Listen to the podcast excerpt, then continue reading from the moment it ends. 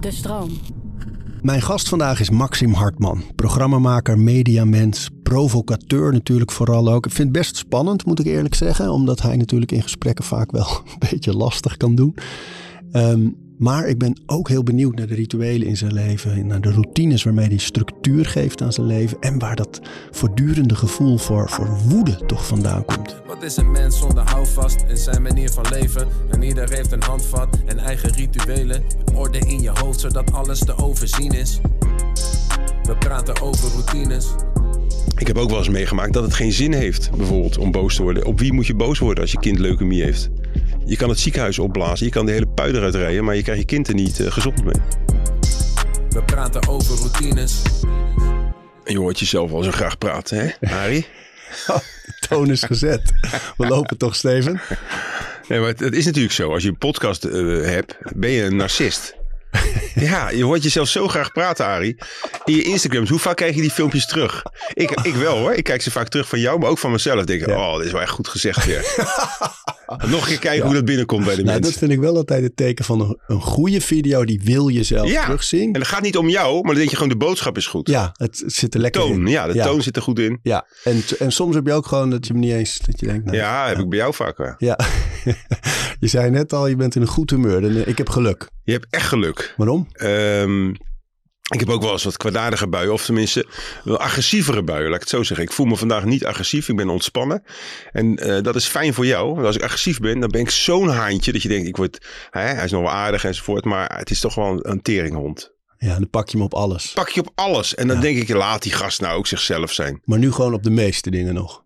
Natuurlijk. Ja. Ik blijf je corrigeren. Ja. Er zijn ook, ik vind dat je ook te weinig gecorrigeerd wordt. Ja? Ja. Ja, dat heb je een keer gezegd, ja, onder een post dat je zei, je zit maar wat te knikken. Ja, jongen, ja. je zit in die podcast, zit je altijd zo heel begrijpend te kijken. Ja, ja dat pik ik niet, hè. Daar waars, nee. Dat is de enige waarschuwing. Als jij te begrijp, begripvol gaat lopen knikken in deze podcast, dan zou je nog eens wat meemaken. Weet je dat ik het best wel spannend vond ook? Waarom? Uh, ja, we kennen elkaar al lang. Ja. Volgens mij, ik, ik, ik respecteer je en bewonder je zelfs uh, hier en daar. Ja, soms wederzijds. Dat weet je. Um, we hebben al een goede klik altijd. En toch is het ook dat ik weet, als ik je dan uitnodig, komen we in een, in een afsprakensetting. Hè? En daar, daar word jij altijd recalcitrant. Klopt. En, uh, dus ik dacht, maar ik ben toch ook heel erg benieuwd naar die structuur in jouw leven met routines en rituelen. Dus, en, en ik vind je als mediamaker gewoon heel goed en, mm. en oorspronkelijk. En je bent een van de weinige mensen die echt zeggen wat ze denken, ook als de doelgroep het niet leuk vindt. Ja. Dat, daar zijn er maar een paar van. Hier heb je over nagedacht. Je denkt, ik steek hem eerst een paar veer, veer nee, in zijn. Nee, nee, nee, nee, nee, nee, Want je weet, als je mij gaat aanvallen, pak je tien keer zo hard terug. Je weet, dat, dat is zo mooi aan jou. Je bent niet dom. Maar waarom zou ik je aanvallen? Uh, er zijn heel veel mensen die uh, mij van alles, van, van alles beschuldigen. Toch, maar dan zou ik je toch niet uitnodigen? Mee eens. Maar ik ben bijvoorbeeld een keer bij Wilfred Gené uh, gekomen in zijn radioshow en ook op tv. En niet om over Wilfred Gené nu de hele, de hele te gaan hebben, maar eventjes. Dan kom je daar zitten en dan zegt hij, en dan gaat hij gelijk een provocerende kutopmerking maken waarvan ik denk, what the fuck, ga je dat zeggen en mij zeggen? Dan pak ik hem terug en zegt hij, nou, dit is wel heel voor, voorspelbaar, hè? Gaat er gelijk weer met gestrekt been in. Dan zeg ik, gast, waarom uh, behandel je mij zo als je mij uitnodigt en als je al zo goed weet hoe ik ben, waarom ben je dan sowieso nog nieuwsgierig naar me? Ja. Opzouten dat soort interviewers. Maar geeft u daar dan antwoord op? Nee. Maar dat denk ik van, denk dat vaak in de journalistiek of media in algemene zin is er een, een, uh, een toon en een truc van je moet kritisch benaderen en je moet, uh, er moet iets ongemakkelijks gebeuren, maar niet ongemakkelijk in de zin zoals jij doet. Dat je uh, een mand of uh, dat je mensen gewoon laat zwijgen of dat je gewoon de, het ongemak laat voelen. Mm. Maar ongemak in, ik ga je onder druk zetten, ik ga je onderuit halen, Ja. want dan ben ik goed. Het gaat vooral over die interviewer. Ja, klopt. Dat is heel vervelend. En ik, ik heb het zelf ook wel gemerkt dat ik heel vaak uitgenodigd werd uh, in talkshows. Alleen maar omdat ze gewoon denken, we hebben even wat paper nodig. Dit onderwerp kan wel een beetje te soft worden. Misschien als we hem ernaast zetten. En dan is het echt heel simpel van, oh ja, het gaat over vrouwen of over dit of dat.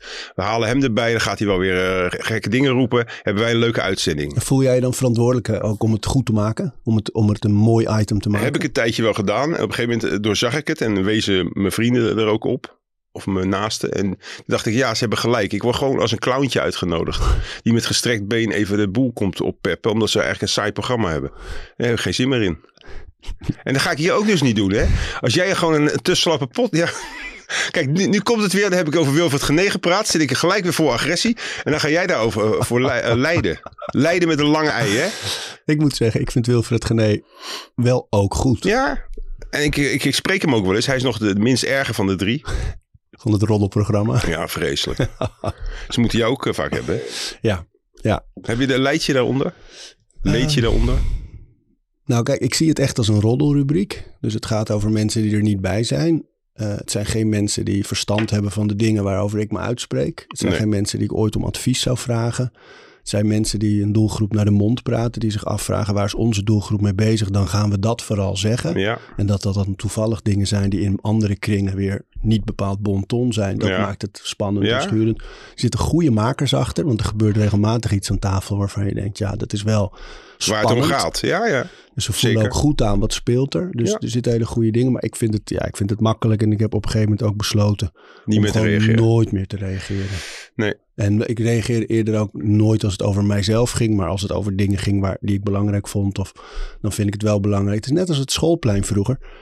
Als niemand zich uitspreekt en iedereen gaat een beetje mee staan lachen, weet je wel, dan verandert er niks. Dus ik denk wel dat het belangrijk is dat mensen, nou, zoals jij en zoals ik soms, en er zijn er meer, die er wel iets tegenover zetten. Ja. En wel kritiek erop hebben. En dat, dan merk je met, met dat type bully. Ja, het is bully. Het zijn bullies. Maar die kunnen uitdelen, maar die kunnen niet Nee, incasseren. het zijn absoluut bullies. En Ja. daar kan ik dus echt helemaal niet tegen. Ik ben zelf ook hard. En ik kan ook best grof zijn, dat weet ik. Maar ik zal nooit eh bully-achtig doen. Voor mijn gevoel dan. Hè. Misschien vatten andere mensen dat anders op. Ik heb het ook op school ook meegemaakt. Ook, eh, ik ben op een paar scholen geweest. Als er dan een bully was... Met gevaar voor eigen leven schakelde ik hem uit. Want ik kan het gewoon niet aanzien dat ze een sterk iemand, die eigenlijk niet sterk is, maar in ieder geval die dominant is, dat die eh zwakkere gaat pakken op hun uiterlijk of op hun eh, onzekerheid. Het is onaanvaardbaar. Maar eigenlijk is daar dus wel een beetje die behoefte de autoriteit aan te vallen of de, de, de onrechtvaardigheid aan te gaan ook wel, is, is wel, is er altijd geweest. Ja, maar het is ook een beetje een dom eh, principe eigenlijk om eh, onrechtvaardigheid te bestrijden. Waarom? Nou ja, kijk om je heen en zie wat een geluksvogels wij zijn. Ik bedoel, jij bent ook een bofkont. Ja. Je zou ook wel eens pech hebben en ik Ja. ook. Maar uiteindelijk zijn we toch bofkonten. Ja. En als jij eh, in Rwanda bent geboren of in Syrië of waar dan ook. En je hebt helemaal geen mogelijkheden gehad. En geen, of te weinig liefde of, of gewoon geen kansen. Ja, welk onrecht heb je het dan nog over wat wij meemaken? Ja, dat is, dat is grappig, want, want het- ik denk dat het lijden voor iedereen altijd in zijn eigen omgeving gewoon even groot is. Ja, zeker. Weet je? Ja, ja. Dat vond ik, want ik ben daar in Rwanda geweest, in Oeganda daaronder, waar dat leger van de heer, van die Joseph Kony Ja. zo huishoudt met die kindsoldaten. Ja. Zwaar getraumatiseerde dorpen, waar echt, echt verschrikkelijke dingen gebeurden. En dan zie je die kinderen, die lopen lachend en Ja, spelend. tuurlijk. En dat gaat gewoon ook door. Dat Ja. vond, toen dacht ik wel, oh ja, je lijden is vele malen erger dan bij ons. Maar de gewone dingen gaan ook door. Dus Nee, het is ook geen eh, reden om te. Hè, van eet je bord leeg, want eh, ook al is het echt slecht gekookt. Hè, dan wordt er gezegd: vreet je bord leeg als ouder tegen je kind. Maar ja, en dan wordt het argument gebruikt: in Afrika zouden ze er een moord voor doen. Ja, maar dit is gewoon blijft slecht gekookt. Snap je? Want kook jij goed? Marley Spoon is geen sponsor. Dit is gewoon een doos.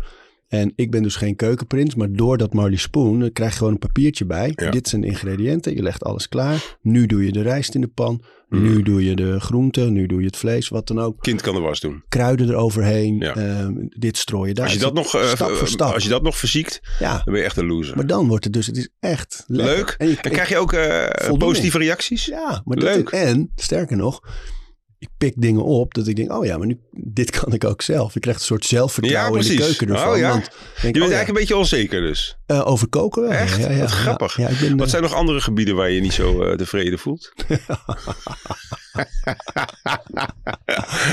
Jij herkent nou, zo had- goed, jij herkent alles. Hè? Dat is ook goed aan jou. Maar ik had gisteren eh, had ik zo'n dag. Ik had, ehm, over mondtapen ging het in het nieuws. Want die, ehm, die Haaland, die voetballer, die had in een podcast gezet dat hij zijn mondtape. Nou, daar heb ik het ook vaak over.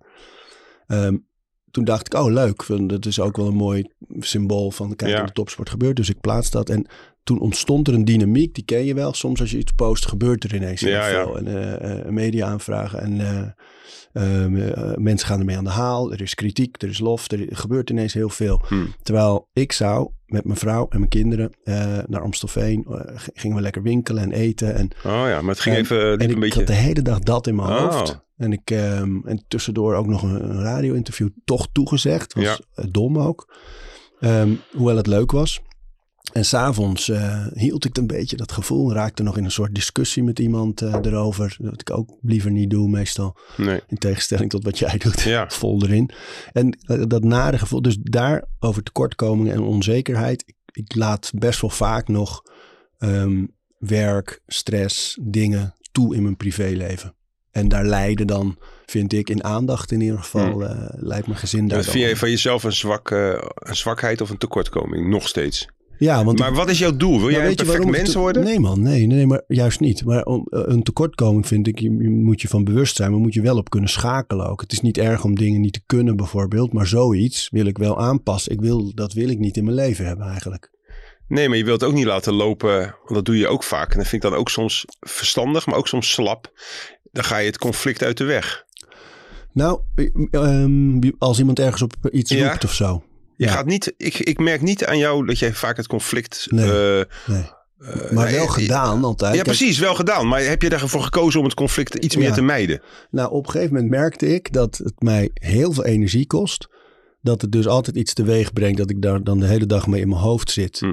En dat er toch ook altijd wel in zo'n conflict veel ego zit. Van, Ja, eh, ja, ja. Nou kan ik het lekker formuleren en dan, pak ik je hart aan. Ja. En dan, maar weet je, dat. Het is ook haantjesgedrag. Ja, Ja. en ik merkte ook dat eigenlijk niet zoveel, heel af en toe, dat iemand dan zegt, oh ja, Nee, je wint er niks mee. eigenlijk nooit. Nee. En, eh, Je dus- bent eigenlijk je eigen gelijk aan het spuien. ja, en toen, weet je, als het dan in de hoek van columnisten of items op tv is, denk ik, ja, weet je, morgen gaat het over iemand anders. Mm. En eh, ik word, ik weet niet hoe dat bij jou is, maar mijn vrienden en familie attenderen me ook niet meer op dingen. Dat ze zeggen, hé, hey, je Nee, daar nee. besproken of... Nee. Dus, dus ik krijg het meeste niet eens mee. En dan, eh, maar ik, ik merk dat het vooral over energie gaat. Dat ik wil deze jaren in ieder geval, wil ik niet mijn, mijn energie steken in eh, eh, conflicten aangaan, debatten aangaan, discussie aangaan. Hm. Met mensen die vanuit hele andere kaders denken. Ja. En ook helemaal niet Nee, verstandig. Ik wou dat ik het een beetje kon. nou ja, en kijk, dat is dus het grappig, denk ik. Dat als ik jou dat zie doen, denk ik wel altijd, yeah. Ik vind het wel altijd mooi Het om te voelt ook heel lekker hè, om te doen. Maar het kost mij natuurlijk ook energie. En, En soms tijd. zegt mijn naaste omgeving ook van... Ik vind dat het echt effect heeft op je functioneren. Heb, is ook, eh, Ja? ze ru- heb je ruzie eh, op Instagram? Dan zeg ik, nou nee hoor. Want, Maar, nou, dan merk ik gewoon dat ik veel scherper ben. En veel nukkig. eh, dominanter en nukkig, ja. Dan, Ja. eh, ik kan het gewoon niet uitstaan als mensen onterechte dingen zeggen. Snap je? Bijvoorbeeld, ik vind iets van iets, van, van een bepaalde iets in de media. En dan gaan ze heel persoonlijk terugkomen. En dan denk ik echt, maar ik, ik, ik, ik heb het toch niet op de persoon gespeeld? Waarom kan je niet gewoon, Ja, maar dat is de tendens van, daarom dacht ik, denk ik ook heel vaak. laat als iemand autoriteit is op het gebied waarover ik me uitspreek, denk ik, daar moet ik naar luisteren. Ja. En dan moet ik misschien mee in gesprek. Maar zo niet, gewoon, gewoon een persoon met een mening, denk Ja. ik van, die, die kunnen alles roepen. Die kunnen het raam openzetten en iets Dat over klopt. jou roepen. En het is Klopt. eigenlijk geen verschil. Wij zijn eigenlijk de elite. Eh, Ik vind dat gewone mensen iets meer eh, hun mond zouden moeten houden. En dus ze mogen koesteren wat wij in die microfoon eh, lopen te pleuren. Nee, maar bijna alles wat wij zeggen, daar kunnen mensen zich door groeien. Maar, Of niet zich, doorgroeien. ja. Ja, die zit nou te kijken, maar Ja, ik meen het. Ik zit te denken, ben ik het daarmee eens? Ja, tuurlijk ben je het Nee, daarmee nee, eens. Nee, nee, nee. Wat wij te zeggen hebben, wij zijn, ja, hoe noem je dat? Door God. Geloof je nog in God? Ja, Door wij zijn de God goden op de Olympus bedoel je? Ja, wij zijn door God gepikte mensen. Waarom? Weet ik niet. Om, om eh, boven de andere, ja, je kan zo kijken, boven de andere uit te stijgen en te Nee, leiden. Nee, nee, nee, nee, want dan... Wel. Nee, maar nu moet je kijken hoeveel goden er op die Olympus rondhangen. Met, Ja, maar dat zijn helemaal geen goden. Die moeten we gewoon met onze ellebogen eraf helpen. Er zijn maar een paar goden. Nou, weet je waar, in- in zoverre ga ik erin mee dat ik, de- ik denk wel, het- hoe ik in ieder geval media maken altijd gezien heb en, en ook nog wel zie, en jij volgens mij ook, is dat je, je hebt wel ook een taak om iets, of het nou ontregelen is of aan denken te zetten of een bepaald thema in vast te bijten, zodat mensen daarmee aan de haal gaan. Mhm, Daar zit een verantwoordelijkheid bij om, om iets... eh, Vind ik ook. Maar wat ze ermee doen maakt mij verder niet uit. Ik vind niet dat iedereen maar tof hoeft te vinden wat ik doe. Of eh, dat ze allemaal maar aan moeten nemen dat wat ik zeg klopt. Nee. Nee, maar en ik vind ben het wel met je eens. Je hebt wel een verantwoordelijkheid. Ja, En dat, heel veel mensen nemen die niet. maar... Rituelen. Ja, want we, eh, voordat die, die microfoons aangingen... eh, ehm, hebben we het al gehad over panneforten eh, dat je had. Panneforte, ja. Jij, jij deed de bouwde bewering dat het enige wat je in je leven echt niet wil missen ooit sport is. Ja. Ja, En- ik zat erover na te denken op weg naar deze podcast van wat voor rituelen heb ik nou? Of ja, dan dacht ik, ja, ik heb helemaal geen rituelen. En dan denk ik aan religie of zo, aan bij rituelen. Van Ja. moet ik mijn kaarsjes, of oh, dat OCD, weet je dat je allemaal dingetjes zeven keer je kaarsjes om moet draaien. Ja, een maagd offeren, dat is wel mooi. ritueel. Als ik helemaal vergeten, dat is wel leuk. Een maagd offeren. Nee, maar toen dacht ik van, eh, het enige wat, mij, eh, wat ik echt heel bang zou zijn om te verliezen, of om niet meer te kunnen doen, is sporten. Als ik nu echt van de een op de andere dag iets zou overkomen, waardoor ik niet meer zou kunnen tennissen, niet meer zou kunnen fitnessen, niet meer zou kunnen bewegen, toe, dat zou ik wel heel moeilijk vinden. Want? Dan Ik bedoel, ja, ik bedoel, ik snap Ja. waar- waarom het goed voor je is, uiteraard. Maar waarom bij jou? Waarom zou je dat nou van alle dingen? Omdat eh, zonder dat eh, kan ik de spanning er niet meer van afkrijgen die ik opbouw. In Echt het ventiel even Ja, losdraaien. Ja. Kijk, in sport, eh, ook al, eh, het is bijna elke keer hetzelfde. Of het nou tennis is, bedoel, of je nou die bal zo slaat of een smash of een lob. Dan zit hij op een ander moment in de wedstrijd, maar het is eigenlijk hetzelfde. En de ene is wat beter, maar het is, het is ook routine. Het is gewoon hetzelfde. Je weet al het is, je weet hoe die bal voelt. Je, met fitness ook. Je doet je rondje en je verandert een keer van dan moet iets meer mijn buik of mijn reet. Maar het is eigenlijk hetzelfde, toch? En dat geeft zo'n fijn gevoel. Dat je iets, tenminste dat vind ik. Ja, herhaling. Wat vertrouwd en het herhaalde, ja. Ja. Ik ben dan op, op zijn geluk, gelukkigst. Ik heb geen En grote spanning, dingen nodig. Wat is die spanning dan? Nou, die spanning bouwt zich op eh, uit ergernis eh, over, over, over alles, zeg maar. Over hoeveel domme mensen er zijn en hoe, hoe, hoe hard, hoe, hoe dommer ze zijn, hoe harder ze schreeuwen. Vind ik Maar dan- vrij jij moeilijk. zet dan niet de tv uit? Of, Nee, eh, nee, ik kan niet vluchten. Nee. Nee ik, eh, nee, ik ben geen Arie Boomsma. Die gewoon eh, een mooie boerderij koopt met allemaal geiten en dan daar zijn eigen paradijsje maakt. Want dat doe je eigenlijk. Je hebt gewoon je eigen paradijsje gemaakt. ja. Het zal me niks verbazen als je ook met een boot bezig bent. Een hele grote boot waar allemaal dieren op kunnen laten. ja, nou ja, het gaat steeds harder regenen. Ja. Jij, jij mag mee. Oké, maar ehm, nee, ik vind het lastig om eh, me af te sluiten. Soms verlang ik bijvoorbeeld naar de natuur. Denk ik, laat me allemaal met rust. Ik ga gewoon in Noorwegen of ergens wonen. Ja, maar je hebt het ook wel nodig, heb ik het gevoel. Ja, daarom. Je Dus ik voedt zou op een dat combina- conflict. Precies, precies. Ik denk ook dat ik... eh, Maar, maar weet je, Ja. kijk, eh, de- wat voor, voor mij is dat buiten wonen. Eh, vroeger woonde ik in de drukte, in de stad. En dan koos ik af en toe voor rust. En nu is het andersom. Ik woon in rust. En, en bevalt dat? kies voor drukte, ja. Want nu heb ik voor mijn gevoel veel meer zelf in de hand wanneer ik die prikkels allemaal toelaat. Ja, ja, ja. En dat is wel, ja, ik kan me Ja, ik snap wat je bedoelt. Ja. Anders is het een vlucht en nu zoek je het op. Ja, en dan vind ik het ook lekker. Want eh, ik heb net als jij dat ik wel mensen voor mijn gevoel nodig heb om, eh, om me goed te voelen. Dus Ja. ik, ik ga wel graag gesprekken aan en ontmoetingen. En Hm. ja, zelfs vormen van conflict wel. Maar Ja, toch niet- wel? Jawel, jawel. Dat vind ik ook. wel- Ik vind het lekker om bijvoorbeeld met iemand in debat te zijn. Als ik ergens niet Ja? eh, anders over denk. Maar dan moet er wel een kader zijn. Ja. En dat mis ik ze op de socials. Ja, klopt. Want Gaat er is geen kader. op. Er komt Nee. een of andere sukkel die, die eh, gisteren bij jou zat en vandaag bij mij. ja, ja, ja. En morgen bij alleen, maar Nick loopt de, alleen maar loopt de kloten. Ja, en daar ga ik dan mee mijn tijd aan besteden. Nee, dat, dat nou, dat probeer ik ook wel iets korter te houden. Dus als ik een reactie krijg die ik niet prettig vind op social media, lees ik hem, geef ik een reactie. Eh, dat is eigenlijk de, de laatste waarschuwing. Komt hij dan nog een keer, dan eh, zeg ik... eh, Blokken. blokken. Ja. Daar ga ik ook helemaal geen energie. Zonde. Die persoon is kansloos. Heb ik op Twitter lang gehad dat ik dacht, ik ga nooit iemand blokken. Want open, want vrij, want maar geen niet. Ik ben op Instagram helemaal vanaf gestapt. En blokken is komt- heerlijk. Ja, als je hier komt rellen en alleen maar komt negatieve Ja, het is alleen maar shit negatieve dingen doen. En Weg. ja, het is zonde van je eigen energie. Ja. Ben ik wel Maar ik heb wel bij jou, dat bravoer waarmee je erin vliegt, is bijna ook een schoolmeester die voor de klas staat. En iedereen die uit de, uit de bocht vliegt, die wordt terecht gewezen. Dus je straft ze echt. Ehm, wat moet er daarna gebeuren? Ja, dat is een goede vraag. Ik doe het in het dagelijks leven ook. Als mensen voorpiepen, dan... eh, het is niet zo dat als een camera erbij is, ga ik misschien iets harder aan. Maar eigenlijk ben ik door de week ook gewoon zo in mijn privéleven. En dan vragen mensen zich ook wel eens af van... wat wil je daar nou mee bereiken met deze correctie?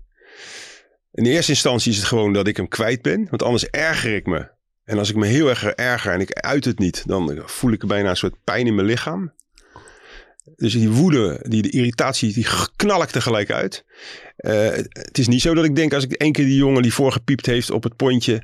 Als ik die één keer goed heb toegesproken dat hij het daarna nooit meer doet. Dat is natuurlijk ook belachelijk om dat te denken. Maar ik denk het is, het kan hem ook geen kwaad dat iemand hem een keer goed de waarheid heeft gezegd. En al is het dat ik het doe en dat hij niks terug durft te zeggen omdat hij weet. Of hij ziet aan mijn ogen van ja, hier kan ik beter niet tegen ingaan. Ja man, ik kan Er zit echt. iets fels in ja, ik kan het psycho. Het er- boeit me ook niet meer. Ik had laatst ook een reek met iemand naar tennissen met mijn buurman, heel gezellig, een beetje keuvel onderweg. En we kwamen langs een eh, ja, een fietspad en een zebraatje en liepen drie eh, jongens, Marokkaanse jongens, doet er verder niet toe, maar eh, gewoon een beetje van 15, 16, 17, een beetje opgeschoten jongetjes. En die liepen heel, een beetje te achterloos, vond ik, eh, niet helemaal op het zebrapad over zonder te kijken. Dus ik deed gewoon heel erg openachtig een bel. Ting, ting, ting, ting. Toen keek hij heel erg zo van, eh, wat wou je? Toen ging ik gewoon net iets te ver door met mijn band bijna tussen zijn benen. Zei ik, oh, ging je oversteken, weet je? Ik zeg, nou, eh, zei hij, ja meneer, hij had ook gelijk. Het is wel een zebra, zei ik, dat heb je gelijk in. Maar je deed wel iets in nonchalant, voor jezelf ook niet? Nou, die andere twee jongens gingen al lachen. Toen zei ik, laten we het zo afspreken, we zaten allebei een beetje fout. En? Zei hij. Nou, hij zei niks, maar het escaleerde niet. En toen ging het dus met een sisser weg. En toen fiets ik door. En toen vroeg die buurman aan mij van, was je nou echt boos? Zei ik, ja, ik sta helemaal aan. Als hij had gezegd, hou je bek, kale kankerhond. Ik zeg, dan was hij knock-out gegaan. Terwijl, er is niks aan de hand. Heb je dat nog wel eens op straat? ja. Dat je vecht? Nee, maar eh, het ligt aan mijn bui. Eh, het kan wel gebeuren. Ik heb de laatste keer met een, eh, een hoe heet dat, een gast die aan de deur kwam. Om, voor een goed doel. Heb ik ook een akkefietje gehad. Moest echt de politie erbij komen. Echt? Ja, dan gaat het toch. Dan toont hij geen respect. Zeg ik wil dat je nu het gebouw uitgaat. Het was iemand voor eh, witte, wilde ganzen. En die, eh, die deed gewoon vervelend. Ging over aanbellen, een beetje bij de hand doen, vond ik. En ik ging hem even achterna. Van, gaat hij bij andere mensen in het appartementsgebouw dat ook doen? Ja. Toen zei ik gewoon van gast, eh, deze vrouw is ook gewoon aan het werk net als ik. Je moet niet zomaar aanbellen, snap je? Bij de deur. Je kan bij de voordeur vra- vragen, mag ik binnenkomen? Maar nu ga je, ga je naar buiten. Zei hij, ik ga niet naar buiten. Ik zeg, je gaat wel naar buiten. Nou ja, gastje van 19. Dan moest ik hem toch een klein beetje duwen. En toen zat hij altijd niet aan me zitten, niet aan me zitten. Ik zeg, ik zit niet aan je. Ik breng je gewoon naar buiten. Want ik ben hier de, bewoner en ik ga je nu naar buiten brengen. Ik zeg, en ik wil je naam weten. Want ik wil je, ga aangifte doen. Ik vind dit geen goede manier. Dus voor wie werk je en wat is je naam? Wou hij niet zeggen. Ik zeg, dan ga ik je filmen. Toen ging ik, zeg, er is geen bronk om te filmen. Toen wou hij mij ook filmen. En toen gaf ik hem een klein zetje. Waarbij zijn telefoon kapot is gevallen. En toen kwam de politie erbij. Want hij ging mij vasthouden. Op, op straat was het inmiddels. Zo. Toen zei ik, gast, ik geef je drie seconden de tijd. Toen zei ik ook tegen de mensen, mensen even goed kijken die er voorbij fietsen nu. Ik geef hem een waarschuwing. Hè, er komt dadelijk iets, er gaat iets gebeuren. Let even op wat er gebeurt. Wil je me nu loslaten? Wil je me nu loslaten? En hij bleef maar me vasthouden. Moet nieuwe telefoon, nieuwe telefoon. Nou, toen gelukkig liet hij los. Want ik dacht, nee, ik moet niet een gastje neerslaan. Dat schiet maar je had het wel gedaan. Ja, ja, ja, Ja. Als je het zegt, moet je het doen. Eigenlijk, nou, hij liet me los, hè? Ja, ja. Nee, dat bedoel ik. Van als hij niet het loslaat. Precies, dat dan moet ik het. Ja, dan ja, wel. ja, dan, dan ben je ook. terug. Precies, kan niet meer terug. Ja, ja, aan je woord te houden. En ik zat alleen maar te kijken van gast, weet je, weet je, zie, kijk naar mijn ogen. Je gaat nu echt de fout in. Je gaat zo pijn hebben dadelijk. En herkende die je? Wist Ja, ja, hij wist wie ik was, ja. Zei daar nog iets over? Nou, hij zei later, hoe kan je, ik ben pas een kind. Zeg ik, een kind? Ik ben een fucking opa. Ik ben fucking 60. Je bent 19. Je bent in je primetime. Je zou me godverdomme met je ogen dicht nog neer moeten beuken. Ja, dat is toch lekker. Dat ik zo'n gastje van 19. Dan ga je naar binnen. Kijk, want dat is het. De, het vervelende is dus, het is totaal onnodig. Het is zonde van je energie. Het brengt heel veel negatief. eh, Veel eh, tijd. Veel tijd. De, het andere, de En andere kant. het mee de, de rest van de middag in. Ook waar, maar de andere kant is, het geeft ook een onoverwinnelijkheidsgevoel waar Asterix met zijn toverdrankje niet aan kan tippen. Ja, joh. Het is, Ja. ik, ik heb, ben niet van de cocaïne of zo, nooit gebruikt. Maar wat ik zie aan mensen is, denk dat dat het is. Het is een soort cocaïne, adrenaline. Deze aflevering van Overroutines wordt aangeboden door Squarespace. Een alles-in-één platform waar je je eigen website kunt bouwen en beheren. Het maakt niet uit of je producten, diensten of je passie met de wereld wil delen. Het kan allemaal bij Squarespace. Ik noem even kort drie handige functies van het platform. Met het ontwerpsysteem kan je makkelijk je website vormgeven en het helemaal eigen maken. Squarespace analyseert hoe je website presteert en wat er voor nodig is om je bedrijf online verder te laten groeien. En ook kan je abonnementen en exclusieve content aanbieden aan betalende leden. Start nu je gratis proefperiode via squarespace.com/overroutines. En ben je klaar om je website echt te lanceren? Gebruik dan de code overroutines, dan krijg je 10% korting op je eerste aankoop van een website of domein. Je had het uh, voordat Ja. we begonnen ook nog over het ritueel. van- Want ik zei, je, je straalt helemaal. Je, je huid ziet er echt goed uit. Dank je. Ja. Maar ik heb er niks mee gedaan. Dat is gewoon vocht. maar ik ben een tijd geleden, eh naar aanleiding van mijn mondhygiëniste. Die zat mij eh, tanden te schoon te maken. En dan zit je toch een beetje te kijken als een leuke vrouw. Een eh, jonge Marokkaanse vrouw. Dus op een gegeven moment zei ik tussen haar, je hebt heel mooie huid. Zei ze, ja, verstond ze niet, maar ik probeerde dan toch te praten. Je hebt een hele mooie huid. Ze zei, nou dankjewel, leuk dat je het ziet. Toen vertelde ze een verhaal dat ze naar een huidkliniek was gegaan in Amsterdam. Waarbij ze dan eh, een foto van je gezicht maken, moet je voorover hangen. Dan zie je die foto op een computer. Dan zie je al je schade. De, zonne, eh, de zonneschade, de acne, ouderdom, alles. En aan de hand daarvan krijg je een behandeling. Oh, de schade. Schade. Schade ja, dus krijg van je de zon. Van, ja, zonneschade, acne of pukkels, eh, rimpels. ehm, nou ja, allemaal, van dat soort dingen. En dan zie je allemaal in kleurtjes. Dus je ziet je eigen hoofd. Het is een verschrikkelijk gezicht. Zie je allemaal met gekke kleurtjes waar de beschadigingen zitten in je, in je mel. Dan, dan eh, het is een, eh, een Ir- Iranese arts, een dermatoloog. En die eh, gaat je dan behandelen, wat extreem pijn doet. Want hij gaat een soort, ja, een soort peeling doen. Je zegt, nee, denkt, godverdomme. Dat is, eh, wij, wij zijn wel eens trots dat we pijn lijden in de, in de sportschool, maar dat is even andere koek. Als je gezicht wordt gescrubt met, ik weet niet wat die gast allemaal deed, maar dit echt serieus pijn. Je denkt, nou stoppen, nou stoppen. En uiteindelijk krijg je een behandelmethode mee met, eh, maandag doe je dit, s ochtends, s'avonds doe je dit, elke dag, s ochtends, s'avonds moet je wat doen. Het is een reinigen met iets milds en een soort iets erop smeren, een paar dingetjes. Maar dat doe ik dus. Ehm, en niet zozeer uit ijdelheid, maar waarom zou je het niet doen? Het voelt goed. En ik zie wel dat mijn huid er beter is van geworden. Dus dat is wel een soort Nou, ritueel. maar, maar wat is dan de reden uiteindelijk, uiteindelijk? Dat je het gewoon interessant vindt? Of? Nou, ik ging gewoon uit nieuwsgierigheid. En ehm, uiteindelijk eh, vergeet ik het ook wel eens hoor, als ik gewoon eh, even geen zin heb. Maar het is ook niet zo'n grote moeite. Eerst had ik helemaal een lijstje, dacht ik echt, welke, even kijken hoor. Beetje B, kut, nee, de andere. Eh, Je hebt vier, zes flesjes of zo. De ene moet je dan op maandag doen, op de andere woensdag. Vind ik vrij ingewikkeld. Maar inmiddels is het wat versimpeld en dan kan ik het uit mijn hoofd. En je doet het dus. Want, want dat is natuurlijk het beeld dat om jou heen hangt. Zo'n mannenman. Zo, eh, Ja, maar dat, dat, harde- is, ja, maar wat, dat is ook zo'n vervelende dis- discussie altijd. Ja? Wat nou mannelijk is. Nou, voor jou? Ja, dat vind ik heel ingewikkeld. Het enige wat, wat ik nog wel herken bij mezelf is agressie. Dat over het algemeen zijn mannen iets agressiever. Dus dan voel ik me misschien iets mannelijker. Maar voor de rest, eh, ja, je kan ook huilen. En je mag ook make-up gebruiken. En je mag alles doen wa- wat God verzonnen heeft. Toch? Ja, maar dat is interessant, hè? Want er is een, eh, een soort beweging met Andrew Tate-achtige Ja, types. zeker. Ja. Ehm, dat die mannelijkheid, en dat zijn echt de clichés van Ja, ja, ja. mannelijkheid. En daar hoort juist niet die tonen van kwetsbaarheid bij. Nee. Huilen. Dat is wel een verschil met wat, met wat jij. ehm, Ja, ik vind dat een beetje een Doet beperking en een beetje sneu. Als je zegt, eh, ik heb ook heel veel van die volgers hoor, die dat denken dat ik daarvoor sta. En eh, het komt eigenlijk op neer dat je grof doet, dat je van barbecue houdt, dus zoveel mogelijk vlees vreten, bier zuipen, nou daar krijg je kippetietjes van. Eh, en eh, dom doet tegen vrouwen. Dan ben je een man. Dus eigenlijk hebben ze geen identiteit, maar ze denken als ik die vier of vijf dingen doe en ik laat boeren en ik doe een beetje grof en ongemanierd, dan kom ik lekker mannelijk over. Ja, wat is nou... Ik vind de sterkste mannen... eh, bijvoorbeeld Arnold Schwarzenegger heb ik laatst een, Goeie docu, hè? fantastische documentaire. Denk, ja, dat vind ik nou echt een man. Ja. En uh, maakt niet uit, het had ook een vrouw kunnen zijn, maar ik vind dat een mooie man. Ja. Niet alleen om te zien, maar ook gewoon hoe die mentaal is. En Ja, hoe die over dingen nadenkt en scheid heeft aan dingen. Ja. Dingen weet te draaien. Hij heeft echt een kutjeugd gehad en hij kijkt er toch Ja. Met een soort hele rare kronkel naar van ben dankbaar dat ik zo'n Nou, dat, in hetzelfde gezin, want die, die broer is eh, en vroeg gestorven, maar Ja. ook eigenlijk een beetje geknakt door die opvoeding. Ja. Harde opvoeding, Ja. werd geslagen, kilte. Ja. Ehm, en, en, die, en, en hij helemaal opgebloeid en gewoon altijd die visie dat hij elke keer weer gelooft.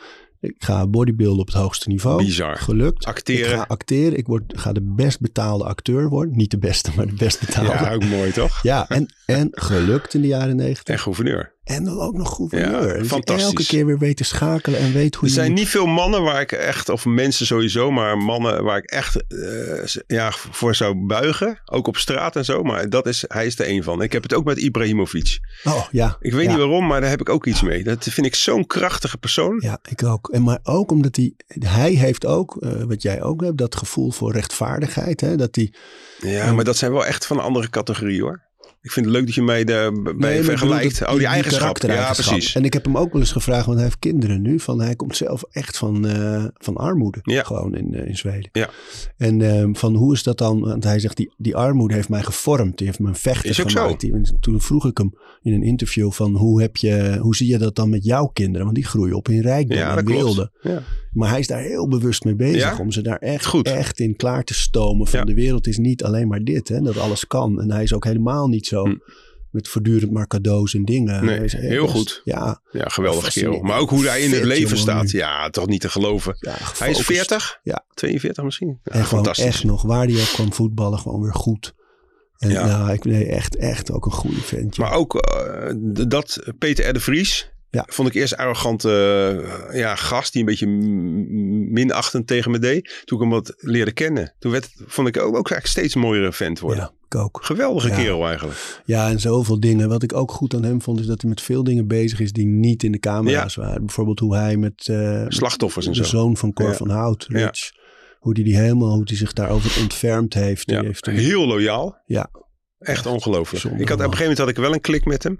Duurde wel eventjes. En toen eh, ja, dan zaten we gewoon af en toe te appen en zo. En dan dacht ik al van, eh, Ja. wat een fantastische vent is het. Ook Ja. hoe hij, hij pakt je, hij plaagt je, hij prikkelt je maar op een leuke, positieve manier. En niet om je kapot te maken. En ook nooit bang om te zeggen wat niet populair Ja, is. Dat is precies. ook, en wat ik ook zo goed vond, weet je nog dat hij die politieke partijen... Ja, ja, ja, ja. Dat hij toen niet zei, gedaan. ik niet 40.000 stemmen heb, eh voorkeursstemmen, Terecht. dan doe ik het niet. Nee. Terwijl 40.000 voorkeursstemmen Ja. is enorm. Ja.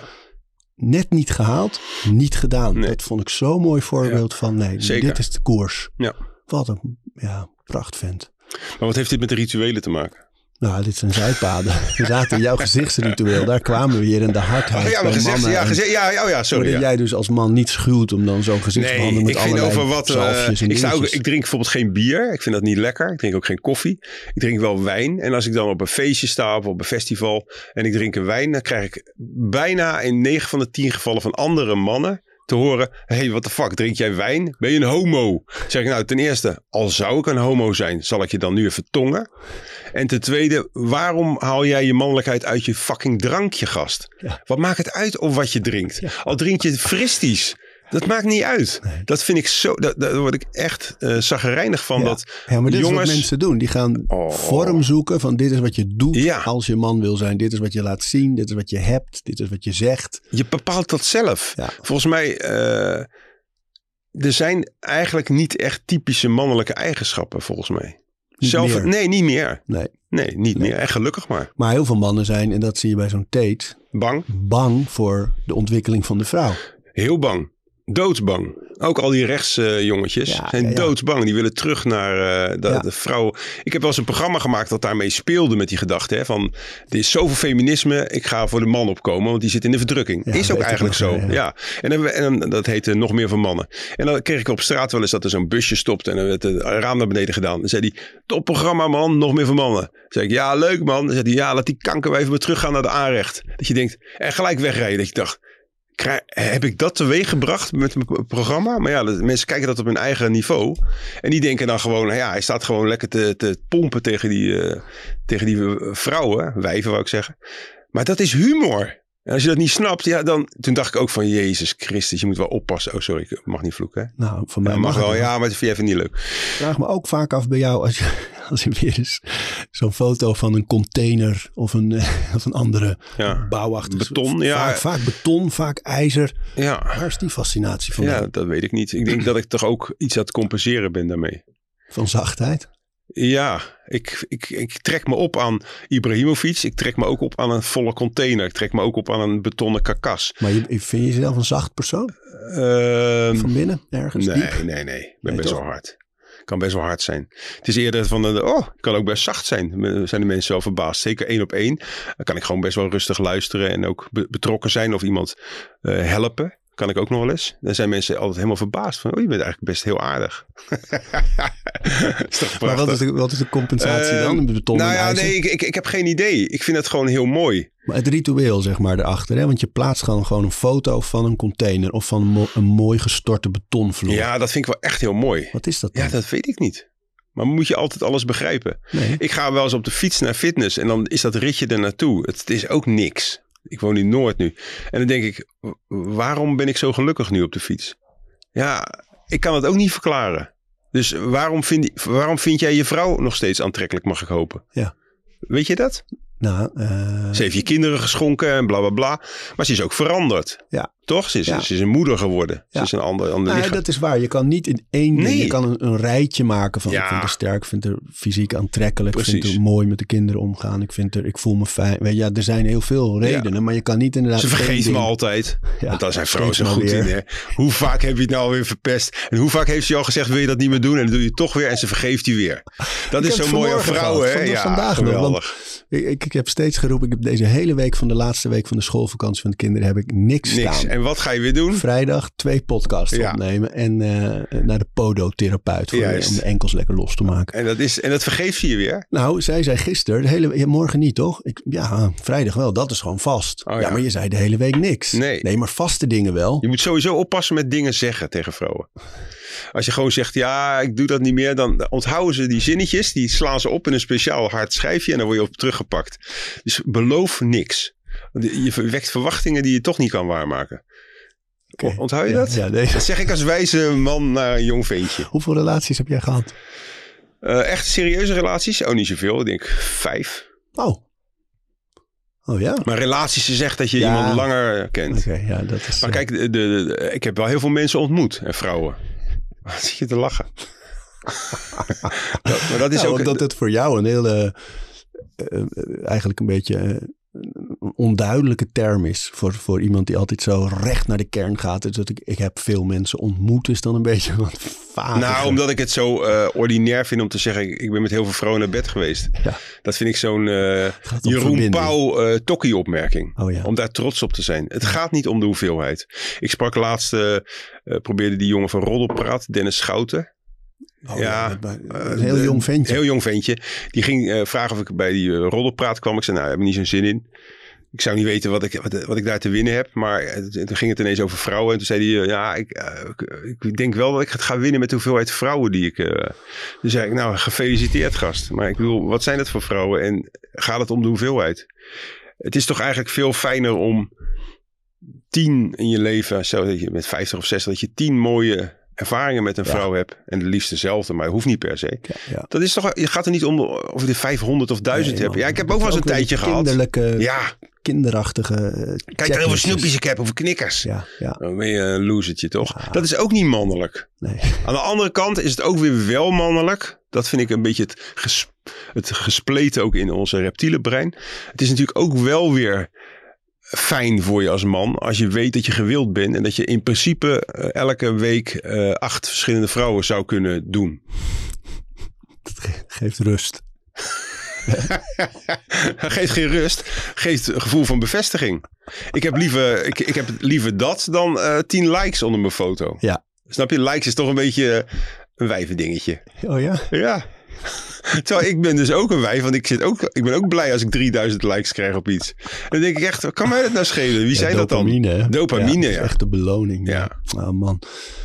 Hey, je zei als je op vakantie gaat, mis je je rituelen. Ja. We hebben er een paar al, zijn we een beetje langs gelopen. Maar waar bestaat die dag dan uit? Uit welke, wat zijn de grote rituelen die je elke dag weer hebt? Routines? Nee, dat is gewoon de vrijheid. Dat kan ook een ritueel zijn. Dus de vrijheid om te doen wat je wil. Soms moet ik ook wel even werken, helaas. Meestal helaas. Ehm, maar gewoon het vrij kunnen invullen. Van ik ga, ik ga wel altijd sporten elke dag. Eh, bijna elke dag. Soms moet je natuurlijk ook eh, een dagje even rust nemen. Maar gewoon eh, dat je zelf bepaalt wanneer je gaat sporten, hoe lang je gaat sporten. En wat je dan voor de rest van de dag doet. Of ik gewoon ga iets ga een serie kijken. Of ik ga gewoon niks doen. Of ik ga iets in het huishouden doen. Dat bepaal ik zelf. En die, dat is ook een soort routine, gek genoeg. Ja, in die zin, op vakantie is die weg natuurlijk. Dat is ja, en op vakantie, ja precies, dan denk ik, waarom ben ik hier ook alweer? Want dan vind ik, die omgeving is anders. En dan denk ik, eh, ja, er zit nu, in- ik was in Zuid-Frankrijk, op zich prachtig. Maar dan dacht ik, ja, ik weet niet zo goed wat, wat mijn functie hier is of zo. In Nederland weet ik gewoon precies wat ik moet doen. Een beetje provoceren, een beetje sporten, een beetje plagen. Weet je, mensen prikkelen. Dat is gewoon een hartstikke leuk leven. Maar in Frankrijk... Maar daarom werkt vakantie. Die boeken van Ab Dijksterhuis moet je eens lezen. Ja, maar jij zit altijd met je boeken. Jij gaat er allemaal... Ik leef via mijn buik. Jij leeft via je hoofd, het is toch leuk om te kunnen verklaren waarom dat in je buik zo voelt? Ja? Ja, vind ik wel. Jij vindt het fijn om te kunnen verklaren. Nou, hij zegt bijvoorbeeld dat juist als je helemaal weggaat en het liefst naar een land waar je de taal niet spreekt Ja, ja, en helemaal niks weet, dan is de ontspanning en de prikkel voor qua ontwikkeling is, is optimaal. Oh ja? Ja. Daar Dus heb eigenlijk heb ik me daar ontwikkeld. Ja, Maar dat vind ik dan niet fijn. Ik wil mezelf niet ontwikkelen. Ik was gewoon ik prima zoals ik was. nee, het gekke is wel, dat het klopt wel wat je zegt. Als je op vakantie bent, de eerste dagen ben ik fucking rusteloos. Ja. En dan op een gegeven moment denk ik, oh, Ja. ik krijg hier ook weer een soort routine in. Of tenminste, ja, dus je zoekt ook weer naar een routine. vast. ik vind vast, bijvoorbeeld elke dag wandelen op vakantie. Oh, in een stad of waar dan ook. Fantastisch. Gewoon Ja. uren wandelen. Ja, man. Ik heb wel meegemaakt dat ik elke dag, eh, ik denk wel eh, tussen de 5 en 10 kilometer wandel. Doe ik in Nederland niet. Nee. Maar het is gewoon Het leuk. zou wel lekker zijn hoor. Het is mooi als je dat wel. eh, Ja, ja. Dus 10, 15 is wel heel Nou, veel. vijf, vijf is wel, of een Ja, paar. man. Een paar kilometer is goed. Maar goed, ik doe wel op de fitness natuurlijk een beetje. Ja. Denk dat je alles wat in je hoofd speelt eh, Ja. op, op te lossen met een goede wandeling. Maar jij zegt, je, je hebt een verantwoordelijkheid en eh et cetera. Maar wat is jouw doel met deze podcast? Bij mij, ik heb eh, in die COVID-jaren heb ik een soort adagium, echt een motto bedacht. Of, of uitgewerkt eigenlijk voor alles dat ik nu doe deze jaren. Is vanuit de overtuiging dat hoe meer mensen gezond, hoe mooier de samenleving. Ja, Dus alles wat ik qua werk doe, moet bij voorkeur daaraan bijdragen. Tuurlijk 80-20. Eh Ja. Dat is lang niet altijd, altijd. Maar die podcast probeer ik eh, dus te leren van de rituelen van anderen en, en maar wat heb je nou kunnen leren van mij? Nou, kom op man. Nee, ik, ik, wel. ik ben niet bescheiden, maar ik bedoel, Nou, we zijn wat voor, wat voor handige tips niet. hebben we dan tot nu toe? Nou, eh, nee, nu horen we gewoon hoe geef jij structuur aan het leven en waarom, waarom doe je wat je doet? En, en, en ja, maar dat weet ik niet. Ik leef heel erg op mijn intuïtie. Jij probeert alles te verklaren. Nee, ik toch? hoef niet alles te, maar ik hoef zelf niet Je vindt het wel fijn om dingen te verklaren. Nou, ik vind het fijn om te zoeken naar, Jij- naar een reden, maar ik hoef, niet, ik, ik hoef niet het antwoord. Geef mij maar een vraag en geen antwoord. Jij hebt een gevoel, die indruk krijg ik. Dan eh, ervaar je dat gevoel en vervolgens ga je in boeken op zoek naar waar komt dat gevoel vandaan Ja. en hoe moet ik dat plaatsen. Nou ja, Terwijl ik blijf bij dat gevoel, want dat gevoel, als het niet negatief is, voor mezelf, dat is wel echt heel belangrijk. Ik, ik ben tegen ja, maar je wil zelfdestructie. het toch begrijpen? Nee, waarom zou ik het begrijpen? Wa- waarom moet ik begrijpen waarom ik tennissen leuk vind? Laatst vroeg iemand aan mij, waarom word je zo snel boos? Ja, weet ik niet. Moet, ik dan, moet ik dan in mijn jeugd gaan zoeken? Nee, nee, het hoeft niet. Nee. Kijk, en ik denk dat het voor jou ook wel de manier is om het heel puur te houden allemaal. Want het is puur op gevoel. Ja, het is intuïtie. Ik uit het. Bam. Maar ik vind het leuk om te, om te begrijpen waarom dingen voor mij werken. Of waarom ik iets heel... Stel dat ik me niet goed voel een dag. Dan wil ik gaan zoeken van wat is dat dan? Dus gisteren dat ik die dag had met die onrust Ja. en dat ik zo'n discussie. En het dan had ik een naar gevoel aan het einde van de dag. En Hmm. ik vond dat ik er niet helemaal was voor de kinderen. Dan wil ik begrijpen van waar, waar zit het hem dan? Waarom hou ik aan die dag een negatief gevoel over? Nou, dat komt daardoor en daardoor. Dat vind ik belangrijk, ja. Toch krijg ik een beetje het idee dat jij eh, van jezelf een soort perfect mens aan het maken bent Nee. gedurende je leven. Nee joh. Nee. Jij zei net in deze jaren, je hebt Ja. dus een planning van deze jaren doe ik dit. Je- je- het zijn je eigen woorden, Arie. Ja, Luister het maar terug. Ja, ja. In deze jaren hou ik me voornamelijk bezig om de mens en de wereld waarin ik leef gezonder en dat soort dingen te maken. Bravo. Iedereen zegt, Arie, wat ben jij een toppertje. Jij voegt echt wat toe aan deze samenleving. Maar hoezo alleen Nee, in maar deze maakt- jaren? Dat, zo'n adagium, zo'n motto maakt het voor mij duur, overzichtelijk. je kan het een duur woord geven, Nee, maar, het is... een motto. Oh, waarom moet alles overzichtelijk? Waarom? Voor mijzelf. Waarom? Anders ga ik alle kanten op. Nou en? Nee, Waar ben jij bang voor? ben ik en niet productief. En dat geeft me niet voldoening. En het geeft me heel veel onrust. En dat vind ik niet fijn. Maar ik waarom, van ritme. ik waarom kan jij niet van onrust? Eh, omdat het me geen, dan geef, heb ik geen voldoening. Dan, eh, ik, ik vlieg echt alle kanten op. Als ik ga reageren, dus ga kijken van nou, wat, eh, wat, wat- komen er voor verzoeken? Eh, Ja. ja. ja, ja, Terwijl als ik van tevoren weet, Mm. dit is mijn koers. Ik heb eh, dit najaar heb ik een paar grote projecten waar ik mijn tijd aan investeer. Ja. Vondelgym is altijd nummer één Ja. in mijn werk. Dan ben ik bezig met twee andere gymconcepten. Een gym voor oude mensen en een recovery studio met ijsbaden, saunas. Dat zijn drie hele grote dingen die vragen veel tijd. Ik ben een boek aan het afmaken, daar moet tijd naartoe. En je gezin. En ik heb mijn gezin en dat is enorm. Ja, dat is echt belangrijk voor je. Ja, ja, wij verdelen het ook Terwijl thuis. je kan daar echt wel een stapje minder in zetten. Nee, man. Ik bedoel, die Nee. redden zich wel. Nee, je echt wel. nee, je maakt jezelf veel te belangrijk. Nee, oké, maar nou zitten we, nou, nee, nu wil ik van jou horen. Want jij stuurt mij die video van die vader op dat strand. Dus die, eh, dit was is een mooi filmpje? Heel mooi. En, en dus een videootje. Je ziet die vader, die is met zijn zoontje op het strand. Dat zoontje fietst voor het eerst Ja. op dat strand. En dan eerst houdt hij hem vast. En dan gaat hij meerennen. En je ziet hem gewoon blij worden van dat joch. Hij doet het, hij doet het. Hij Ja. blijft fietsen. En hij gaat toch? juichen en dansen eromheen. Ik, en ik denk dat is voor mij een voorbeeld van die momenten. Die zijn er veel meer als je meer aanwezig bent. En Bij je dat- kinderen. Ja, en dus dat is wat ik nu probeer om zoveel mogelijk er Nee, te tuurlijk. zijn. Nee, je hebt ook gelijk. Alleen je, je, wat ik soms een beetje walgelijk aan jou vind, is dat je eh, eh, bijna de perfecte mens bent. Nee. Nee, dat kan je wel steeds ontkennen.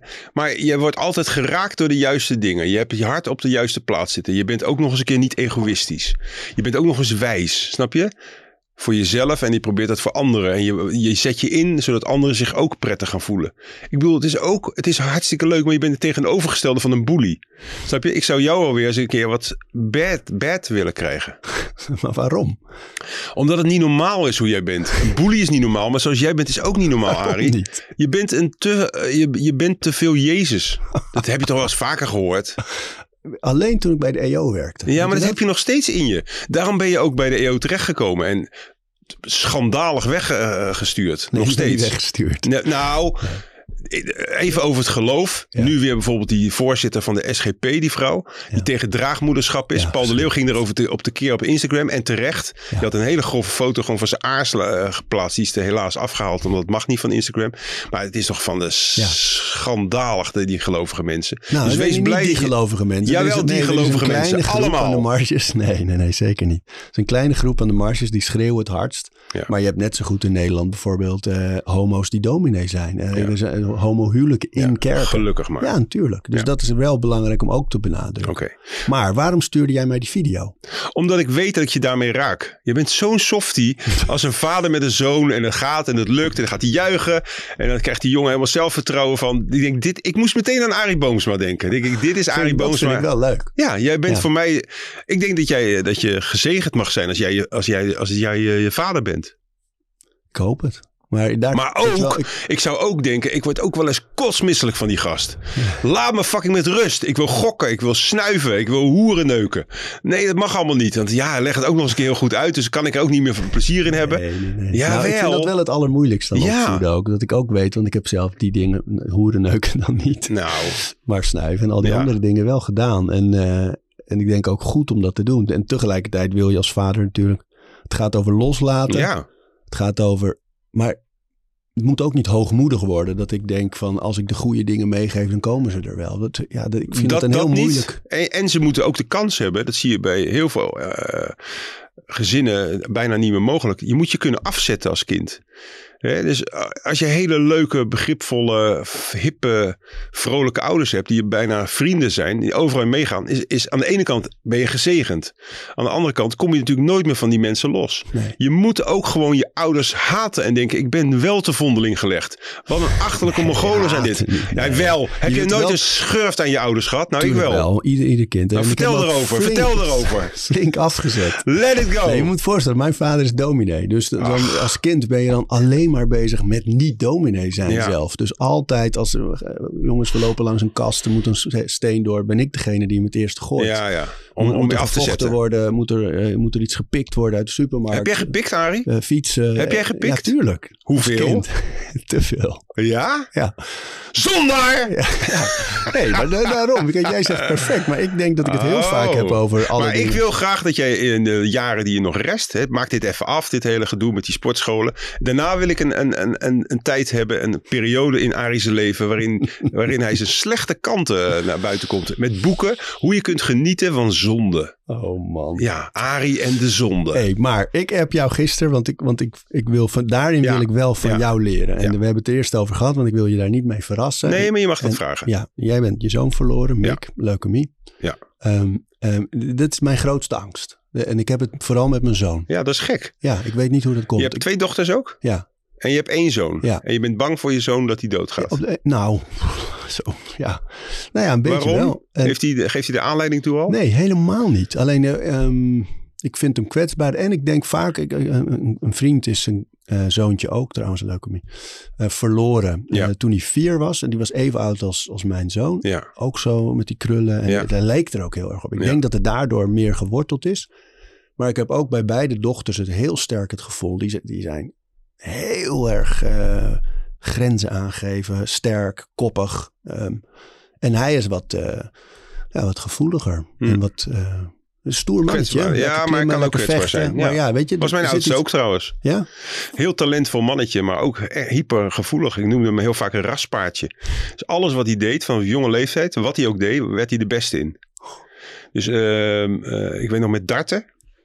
Was hij een jaar of vijf, zes, zagen we Barney op tv. Dan zei hij, wat is dat voor sport? Zei ik, ja, de- moeten ze pijltjes gooien. En zei hij, wow, dat is echt... eh, Hij vond het helemaal eh, mooi. Toen zei ik, nou, zo, eh, kunnen we wel kijken bij de kringloop of zo'n bord ergens. En nou, hij dat kopen, slechte pijlen. Op een gegeven moment had hij ook lijsten. Had ook een beetje asperger volgens mij. Had hij lijsten opgehangen met zijn scores. En dan liep je gewoon zes uur per dag te darten als vijf, zes jaar. En op een gegeven moment gillen. Ik naar boven rennen. Ik denk in zijn de roos. oog. 180. Ja. Ik zeg, ja, gast. Hij zegt, echt waar, echt waar. Ik zeg, nou, gooi hem nog maar een keer. Dus ik ga zitten. En nou, niet meteen, maar binnen 15 pijlen gooit hij er weer de 180. Ik, ja, ik kreeg helemaal kippenvel ervan. Dus ik zeg, gast, jij bent gewoon ook door God aangeraakt. Zoals, je bent eigenlijk Arie Boomsma, die ken je niet. Maar dat is ook een hele bijzondere persoon. Jij gaat eh, Barney van de troon stoten. We gaan nu alleen maar, je gaat niet meer naar school. Je gaat nu alleen nog met darten. Eigenlijk had hij achteraf gezien een verkeerde vader aan mij. Want ik ben heel erg, als ik talent zie, dan ga ik het boosten. En ik had eigenlijk moeten zeggen, hartstikke leuke darten. En nu gaan we weer een cake bakken. Snap je? Dus hij was helemaal in toe. Daarna is hij Zwarte Piet geworden. Nou, had nu echt opgehangen geweest. Want hij was vier weken als Zwarte Piet. Elk zwart dingetje moest zwart worden. Kon toen nog. Ja, dan zei ik van, eh gast, eh, ga nou maar gewoon als, eh, als jezelf weer naar school. Nee, nee, want ik wil echt de, de Zwarte Pietenschool en dat moet helemaal goed zijn. Dus hij nam alles bloedserieus. Daarnaast hij gaan voetballen. Kan hij ook bij een profclub. Eh, naast hij filosofie gaan studeren, zat hij op zijn zeventiende al Nietzsche te lezen. Het is een hele aparte figuur. Maar ook tegelijkertijd in dat leven, en dat gaat vaak samen, vind ik, met bijzondere mensen, hebben ze ook iets geks. En hij had altijd een kwetsbaarheid. Dus hij maakte zich ook zorgen om dingen waarvan je denkt, je bent toch geen kind van Arie Boomsma? Dus hij kwam op zijn vijfde naar beneden en zei hij, waar eindigt het heel al? Ik zeg, gast, weet ik veel. Ga gewoon slapen. Weet je, ik zat te blowen met zijn moeder. be- Ineens helemaal eh, moeilijk nadenken. Hoewel dat... of dan kwam hij na een half uur. Zei hij, wat is er dan na de dood? Zeg maak je niet zo druk man. Dat weet niemand. Ga, eigenlijk heel slim. Maar eigenlijk iets te slim. Dus ik dacht altijd al van, dit is wel echt een apart kind. Hij heeft iets te veel van iets gekregen in de mix. Tijdens de ontwikkeling van die embryo. En, maar hij had ook altijd allergieën en probleempjes en snel piepen. Dus ja.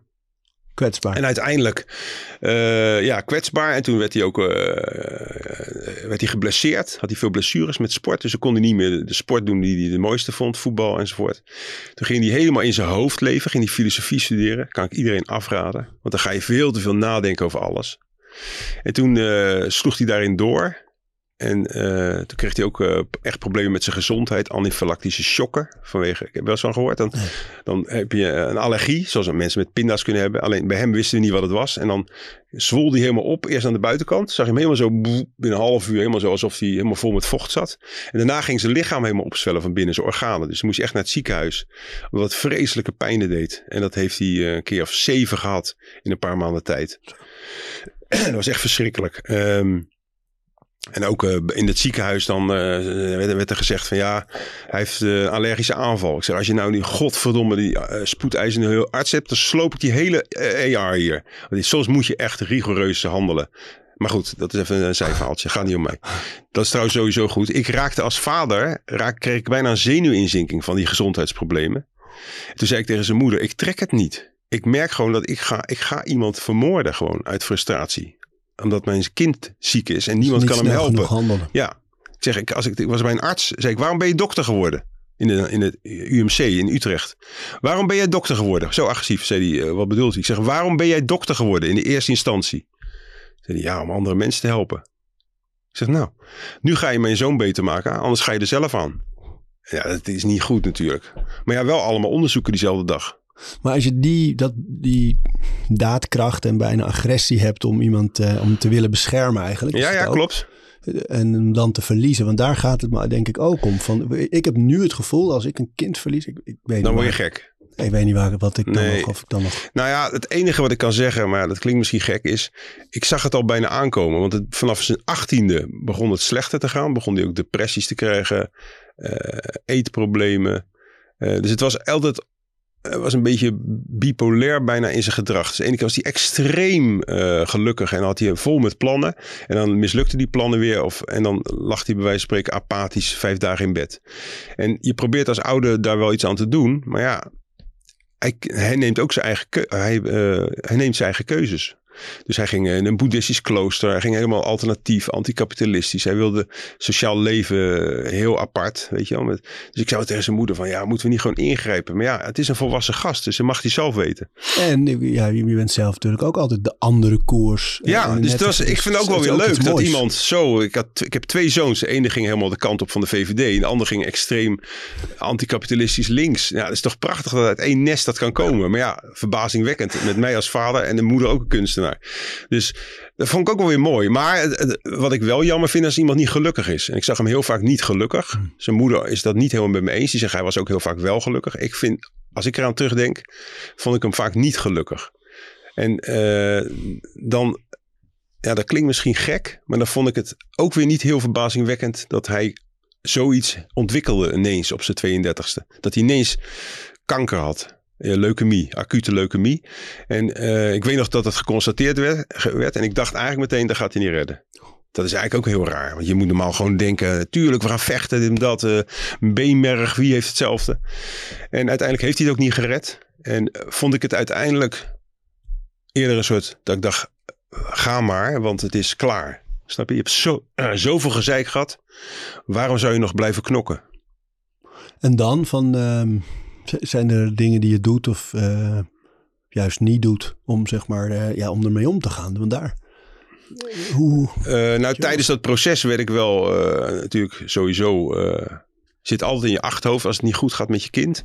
Dat je daar een beetje gefrustreerd van bent en verdrietig. En bij mij zet verdriet zich, dat heb ik gewoon van jongs af aan, heel erg om in woede. Dus ik uit het dan meteen als agressie. Uh, en dan, uh, sommige mensen zeggen dat is niet goed, je moet naar dat verdriet toe gaan. Maar ik ben daar ook wel eens naar op zoek gegaan naar dat verdriet. Maar dat, daar word ik helemaal een soort verlamd van. Als ik echt in het verdriet ga, als ik dat op ga zoeken. Hoe doe je dat? Nou, als ik me gewoon zeg, nee, ik mag niet boos worden. He, want als je niet boos mag worden en je hebt toch een bepaald gevoel, dan wordt het verdriet. Ik, ik, ik zie het echt als een energiebal in je lichaam. Als die, als die agressie wordt, wordt het een vlam. En gaat hij naar buiten, gaat het bruisen en knal je het eruit. En uh, maak je iets kapot. Of zeg je hele lelijke dingen tegen mensen. En zeg je achteraf, sorry, had ik niet zo moeten zeggen. Of ik betaal de schade. Maar uiteindelijk voel ik me wel goed. Want de, de, de, negatieve energie is naar buiten gegaan. Ik heb ook wel eens meegemaakt dat het geen zin heeft, bijvoorbeeld, om boos te worden. Op wie moet je boos worden als je kind leukemie heeft? Je kan het ziekenhuis opblazen, je kan de hele puider uitrijden, maar je krijgt je kind er niet uh, gezond mee. Dus dan soms krijg je dan gewoon verdriet. Want dat is geen andere mogelijkheid dan verdriet te voelen. Maar voor mij persoonlijk werkt dat niet. Want ik verlam dan en denk echt... Wow, alsof de stekker uit je getrokken wordt. Als je, alsof je een mobieltje bent waar gewoon nog 6% energie in zit. En je voelt gewoon dat je denkt... Wow, ik, ik schakel bijna uit nu. Dus dan uit een soort overlevingsmechanisme vecht ik altijd tegen verdriet. En niet omdat ik bang ben om te huilen of om kwetsbaar te zijn, maar ik voel gewoon dat het slecht is voor me. Verdriet zie ik echt als kwaadaardig. En daarna, van als je, eh, hoe, hoe ga je verder? Want dat, ik denk, ik heb dus het gevoel dat als dat bij mij zou gebeuren. Ik dat dat niet meer leuk is. Nou ja, ik heb nou. nog twee kinderen. Dus ik, ja. natuurlijk kan ik rationeel bedenken van, weet je, die moeten ook, we moeten door. Maar de lol is eraf. Dat gevoel heb ik heel ja, sterk. Dat, dat, daar heb ik ook wel een klein beetje een soort schuldgevoel van gekregen. Want ik heb dat dus niet. Ik heb ook daarna nog steeds heel veel plezier en kan ik lachen. En dan denk ik van, ben ik dan zo uh, harteloos dat ik nog steeds gelukkig kan zijn? Um, als er zoiets is overkomen, je, je eigen kind op, zulk, op een 33-jarige leeftijd overleed, overlijdt, mag je dan nog wel gelukkig zijn als ouder? Dat is eh, vind ik lastig te beantwoorden. Ja, ik bewijs van wel. Of ik stop het nog steeds heel goed weg. Dat ik, eh, als ik dood ben, kaart ga liggen janken. Ja. Nee, maar ja, wat is verwerking? Nou ja, kijk, eigenlijk mag het natuurlijk niet. Nou, ja, dat zeggen ik het ik het allerergste wat je- hoopvol dat je het wel bent, weet je wel? Dus dat, daar gaat het voor mij denk ik over van... Hm. Je wil niet breken, want je wil er ook voor de anderen zijn. En, ehm, Ja, maar dat is niet het argument. Ik snap Nee. wat je zegt. Bij mij was dat niet. Mijn andere zoon is oersterk. Die heeft nooit één probleem. En eh, die, zit er hetzelfde in. Wel, eh, ja, we lachen gewoon vanaf eh, dat hij is overleden. Niet omdat we, het ons niet raakt. Maar wij staan zo in het leven. En mis je hem? Mm, soms. Eh, als je bijvoorbeeld, als ik het nu over heb, dan ga ik daar op de fiets naar huis of op de motor en dan denk ik er weer even aan. Maar niet elke dag of zo. Nee, en wat is herinnering dan? Van als je, dus als je er nu, praten we erover natuurlijk, maar op andere momenten in je week zit er dan een moment dat je iets ziet of iets denkt ineens waar hij is? Nou, kijk, met name, ik zie zijn leven van zijn geboorte tot 17 en van 17 tot 33. Zie ik echt als twee helften. De eerste 17 jaar was ik verliefd op hem, omdat hij helemaal into sport was. En ik kon gewoon lezen en schrijven, snap je? Zijn moeder was ook bijna jaloers. Dat ik gewoon aan één blik dacht wel aan lullen. Die snapte geen kloten van. Het gaat alleen maar om sport, het leven. Snap je? En dat is heel fijn als je een sportieve zoon hebt die ook nog eens een keer talentvol is. Dat is ultiem. Moet je wel oppassen dat je niet hè, hem die dingen laat doen die je zelf had willen doen. Heb ik ook last van gehad. Godverdomme, laat zien dan. Als je tegen Ajax gaat. Dat je denkt, ja gast, wat heb je zelf dan laten zien in je leven. Maar, en daarna werd dit een ander leven. En, eh, dus het ligt eraan waar ik me aan herinner. Als ik, hem, als ik aan hem denk toen hij zeven was. En dat we gewoon eh, drie uur lang eh, overschopten op een veld. Dan kan ik echt verdriet voelen. Maar als ik aan hem denk in het ziekenhuis. Dan denk ik, ik ben blij dat je dood bent. Verlost. Echt. Ja. Echt. Dat, kan je, dat is echt verschrikkelijk. En je hebt geen momenten dat je naar een graf gaat of een... nee, hij heeft, hij heeft wel een mooi graf in Hilversum. Een natuurgraf, dat wilde hij ook. Eh, met een soort een stuk hout erop. En het vergaat dan allemaal zonder kist in een zak. Dat is ook wel pittig hoor, die begrafenis. Maar dat heb ik wel echt eh, moeilijk gehad. Maar ehm, ik ga daar niet meer heen. En waarom? Ik denk dan, voor, ik heb het ook aan zijn moeder gevraagd. Van, is dat, ben ik een slechte vader of ex-man als ik niet meer naar het graf ga? Toen zei ze, nee, dat moet je zelf weten. Want ik zeg, ja, want voor hem hoef ik het niet meer te doen. Hij is dood. En eh, ik kan ook aan hem denken als ik in de sportschool ben. Dus ik hoef niet per se naar dat graf. Maar